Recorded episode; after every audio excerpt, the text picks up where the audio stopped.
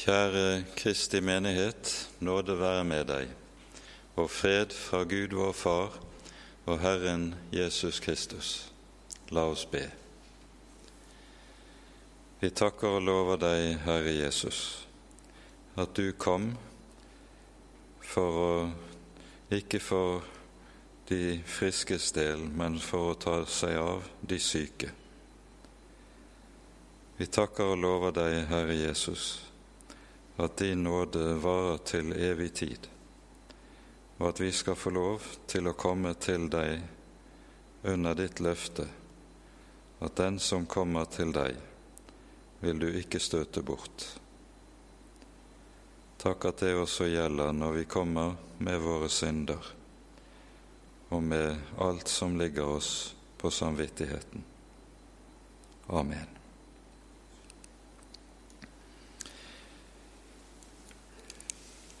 Ordet som er gitt oss til eh, skriftetalen i dag, står skrevet hos profeten Joel i det annet kapittel, der vi leser slik.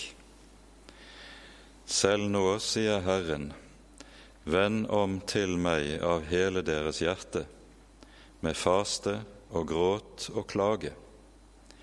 Riv hjertet i stykker, ikke klærne.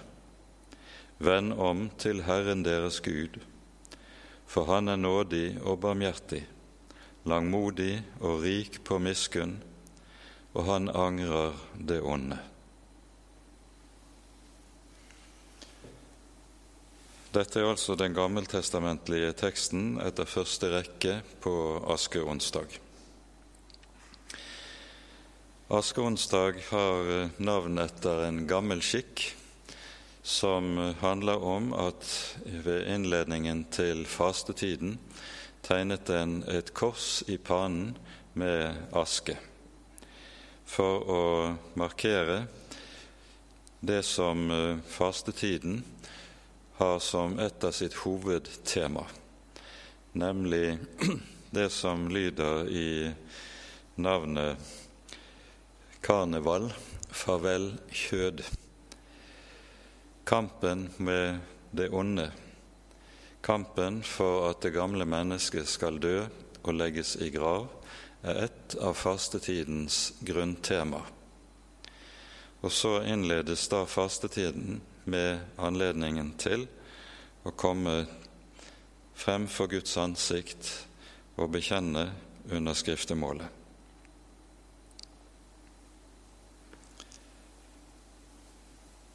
Når eh, denne skikken anvendes i Kirken, så skjer det gjerne på det vis at en kommer frem til Herrens alter, får tegnet kors i panen med aske, mens det sies:" Kom i hu at du er støv, og en dag skal vende tilbake til støv.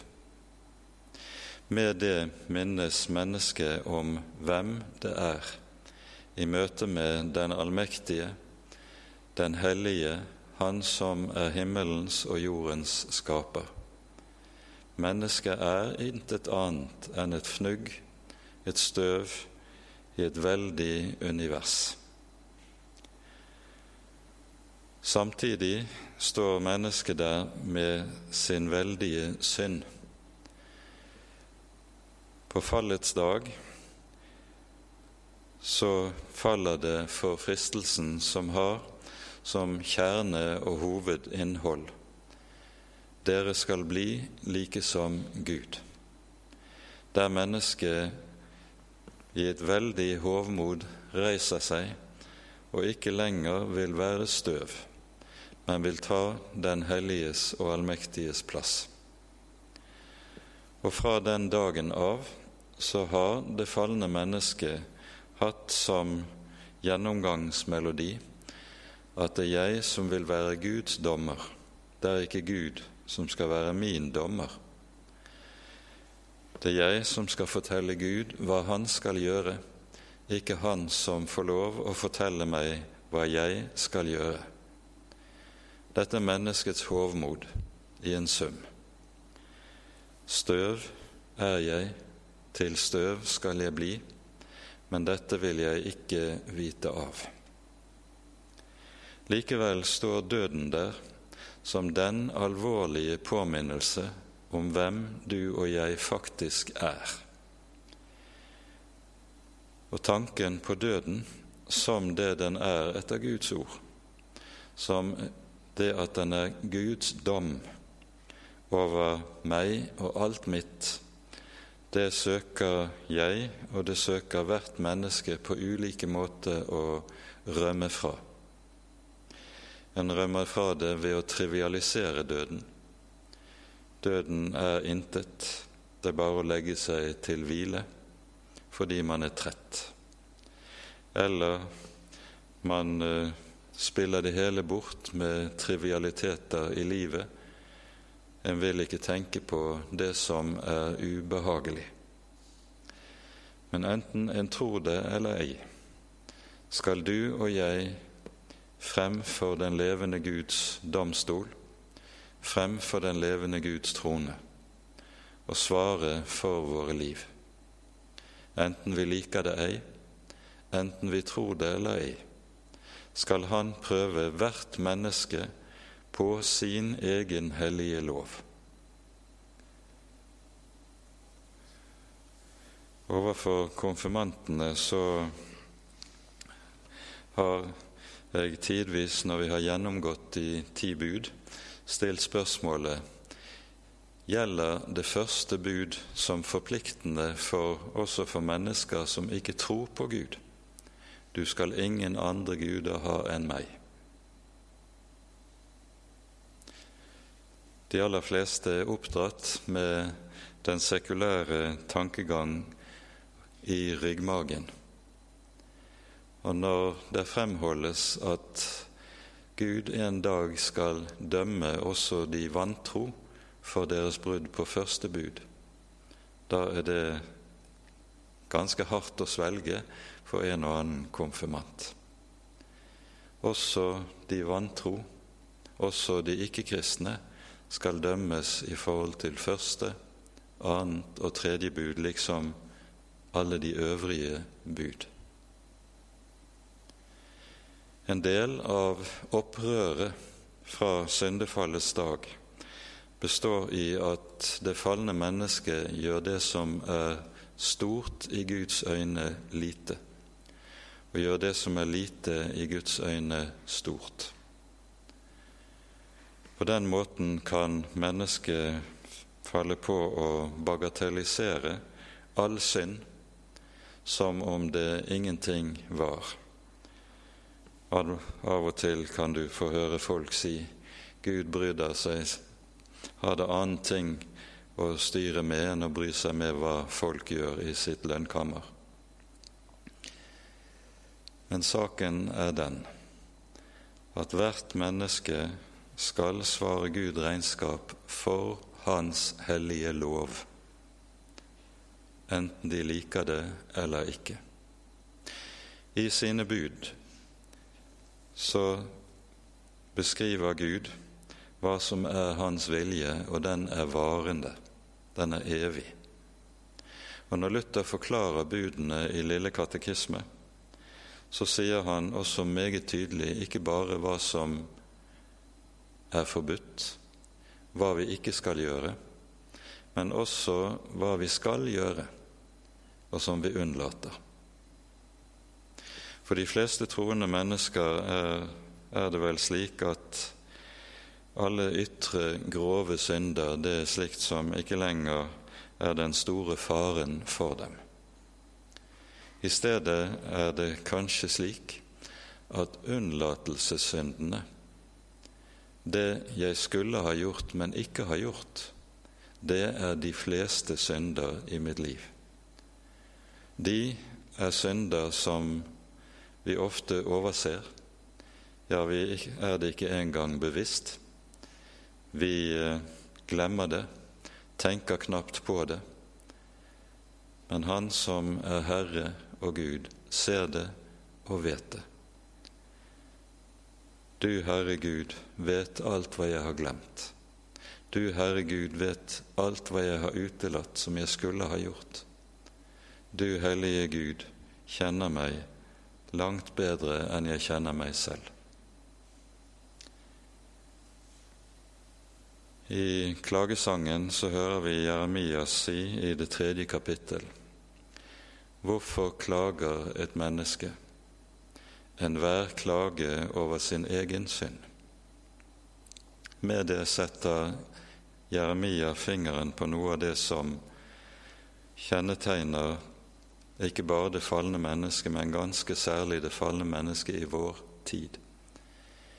Vi vil heller se på oss selv som offer for et eller annet onde, en eller annen urett, enn selv å ta på alvor det åndet i vårt eget bryst. Hvorfor klager et menneske enhver klage over sin egen synd? Det er dette vi skal ta inn over oss når vi skal tre frem for Herrens ansikt og Skriftet der vi skal ta høyde for at det er til meg Herren taler. Det er mitt hjerte som ligger åpent for Hans ansikt. Og så ber, trer vi frem for Guds ansikt under kong Davids ord. Ransak meg, Gud, og kjenn mitt hjerte. Prøv meg og kjenn mine mangehånde tanker og se om jeg er på fortapelsens vei, og led meg på evighetens vei. Når David ber slik, så ber han slik fordi han vet at han dypest sett ikke kjenner avgrunnen i sitt eget hjerte, og ber, han, og ber Herren om at han, han vil se meg, han vil undersøke meg, han vil ta seg av meg for at jeg kan få leve i lyset for Hans åsyn. Og så er det under Jesu løfte vi skal få tre frem til Herrens alter, bekjenne våre synder, under løftet som Jesus selv har gitt oss. Den som kommer til meg, vil jeg ingenlunde støte bort. Jesus har ikke satt en eneste betingelse der, et eneste vilkår. Han har ikke satt opp at den som kommer bare med pene synder, kan komme. Han har satt, sagt det uten forbehold. Hva du enn kommer med, hva du enn har på hjertet, hva det enn er som ligger i din fortid. Han vil ikke støte deg bort. For kommer du til Jesus med din synd, så skal du også vite at du og Jesus passer sammen. Amen. La oss bøye oss for Gud og bekjenne våre synder.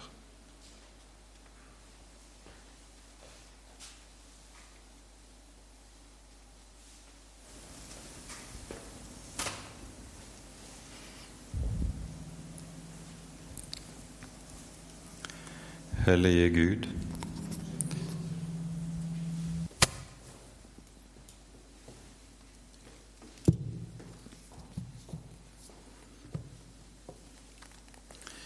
Dette hellige evangelium står skrevet hos evangelisten Matteus i det sjette kapittelet.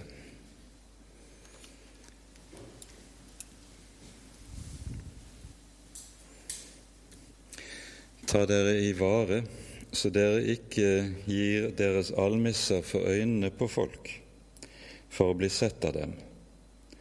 Da har dere ingen lønn hos deres Far i himmelen. Når du gir almisse, skal du ikke gjøre det kjent med basun, slik hyklerne gjør i synagogene og på gatene, for å bli æret av mennesker. Sannelig sier jeg dere, de har alt fått sin lønn. Men når du gir almisse, da la ikke din venstre hånd vite hva den høyre gjør, slik at din gave kan være i det skjulte. Og din far, som ser i det skjulte, skal lønne deg i det åpenbare. Og når dere ber, da vær ikke som hyklerne. De vil gjerne stå i synagogene og på gatehjørnene og be for å vise seg for folk. Sannelig sier jeg dere, de har allerede fått sin lønn. Men du, når du ber, da gå inn i lønnkammeret og lukk din dør og be til din far som er i lønndom. Og din far som ser i lønndom, skal lønne deg i det åpenbare. Når dere faster, skal dere ikke gå med mørkt ansikt, slik hyklerne gjør. De gjør ansiktet sitt ukjennelig for å vise folk at de faster. Sannelig sier jeg dere, de har alt fått sin lønn. Men du, når du faster, da salv ditt hode og vask ditt ansikt, så ikke menneskene ser at du faster, men bare din far som er i det skjulte og din far som ser i det skjulte, han skal lønne deg. Dette var ordene, Hellige Far. Hellige oss i sannheten. Ditt ord er sannhet. Amen.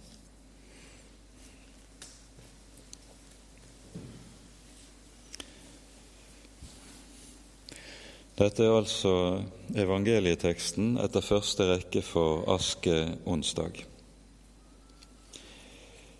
I grunnteksten står det egentlig i innledningssetningen slik Ta dere i vare så dere ikke øver deres rettferdighet for menneskenes øyne. Det var altså gjengitt i oversettelsen her så dere ikke gir deres almisse for menneskenes øyne. Poenget er at i jødisk tradisjon så blir ordet rettferdighet veldig ofte identifisert med almisse. Det er mange jødiske hjem, i hvert fall ortodokse hjem, man har en bøsse som eh, en bruker til å spare opp midler som en kan gi til trengende. Og på denne bøssen så står det ordet tzedaka, rettferdighet, og det betyr helt konsekvent allmesse, allmisse i denne tradisjonen. Slik var det også på Jesu tid. Det vi skal legge merke til når Jesus taler som han her gjør, det er at han altså sier ta dere i vare at dere ikke øver deres rettferdighet for menneskenes øyne. Og Vi ser det er fire setninger som går igjen på ulike med variasjon i løpet av de versene vi har lest.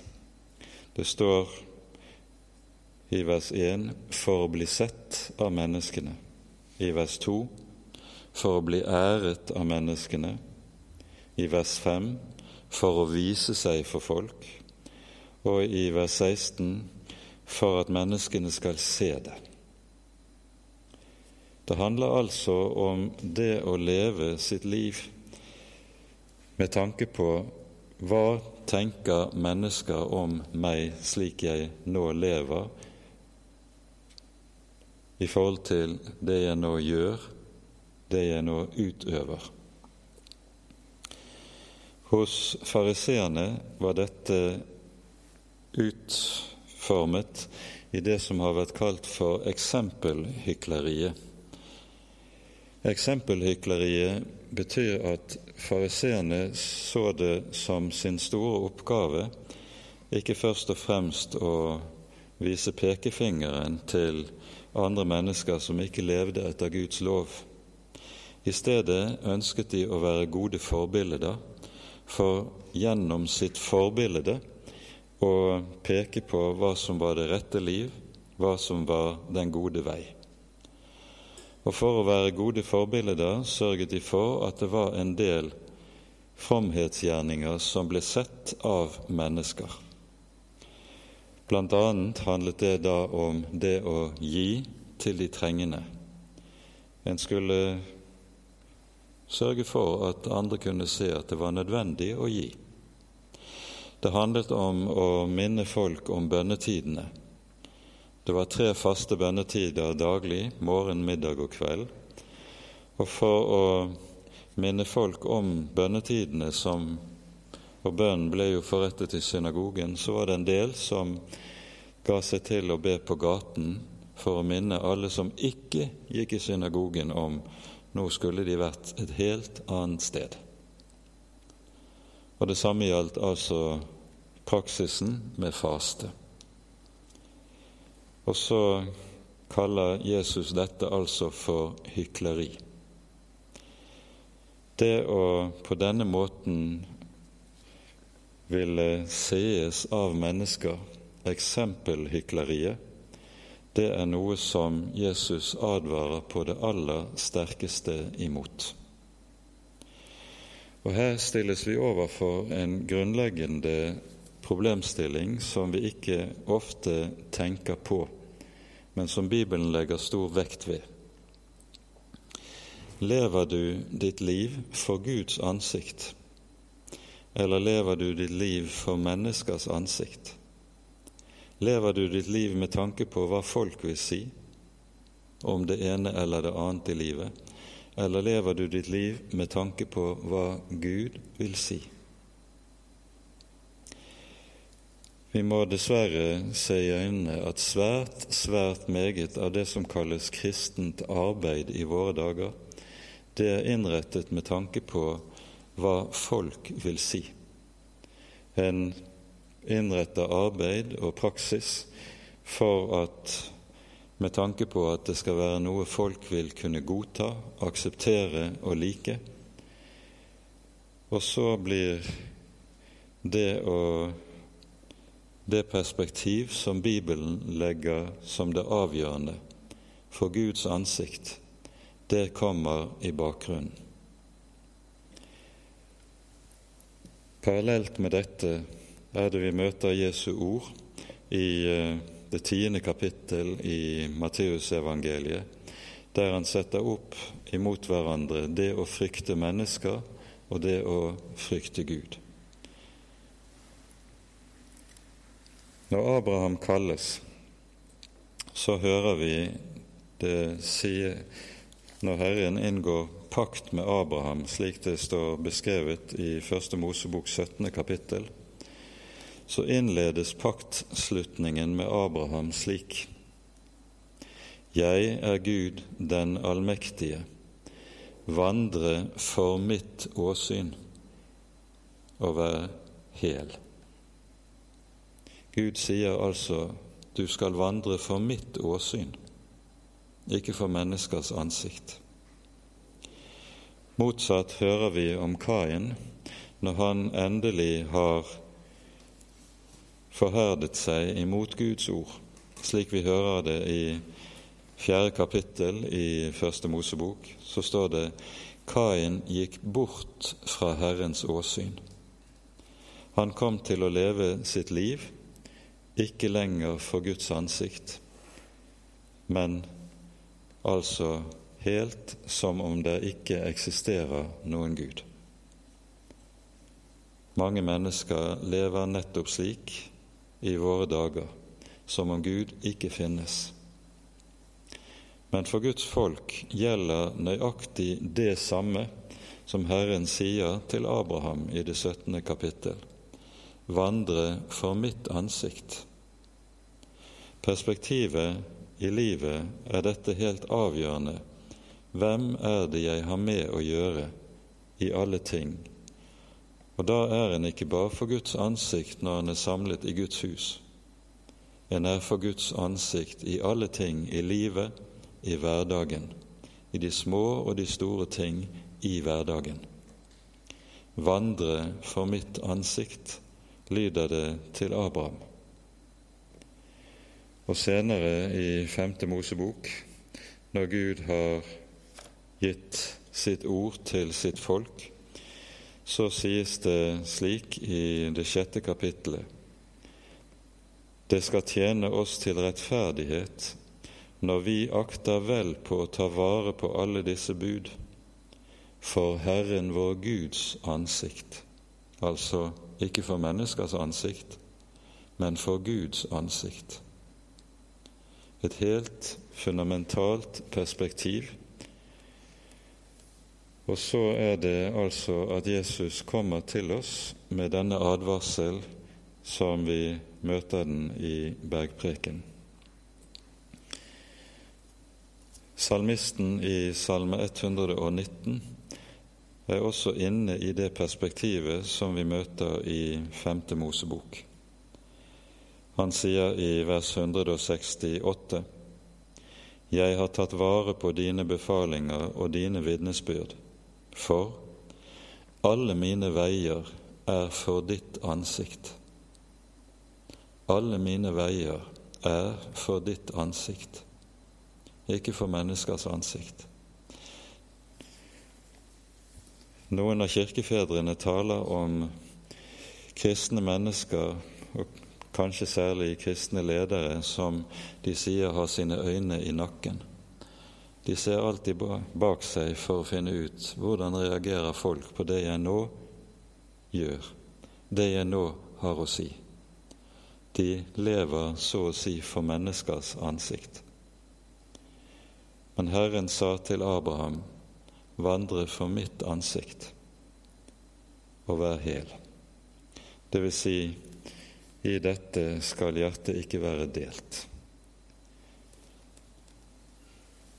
Det å vandre for Guds ansikt, det er en veldig gave. For i dette ligger det store at Han som er Herre, drar meg inn i sin egen verden. Det sto om Enok i Første Mosebok at Enok vandret med Gud. Så ble han borte, for Herren tok ham til seg. Det står ikke ett eneste ord i teksten om hva Enok gjorde, hva han utrettet. Det står ikke om verken gode gjerninger eller onde gjerninger i hans liv, men det står om det helt enkle han vandret med Gud. Det er to som går sammen på veien, taler sammen i fortrolighet, og så vandrer de altså sammen mot målet. Det er det du og jeg er innbudt til.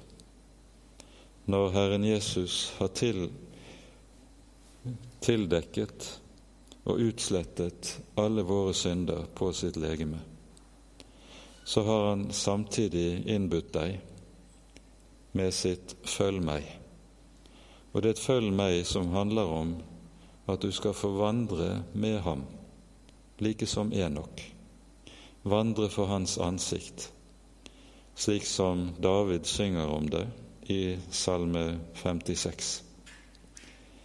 Du har fridd min sjel fra døden, ja, mine føtter fra fall, så jeg kan vandre for Guds ansikt i de levendes lys. Hvilket privilegium, hvilken gave det er dette å få lov til å stå i Hans fortrolige råd som bøyde seg til oss for å gi seg til oss. Og så sier, si, lyder det fra et frelst menneskes munn. Du har fridd min sjel fra døden. Ja, mine føtter fra fall, så jeg kan vandre for Guds åsyn i de levendes lys. På denne måten å vandre for Guds åsyn det gir en veldig frihet. For da er en fri fra hva mennesker tenker og hva mennesker dømmer.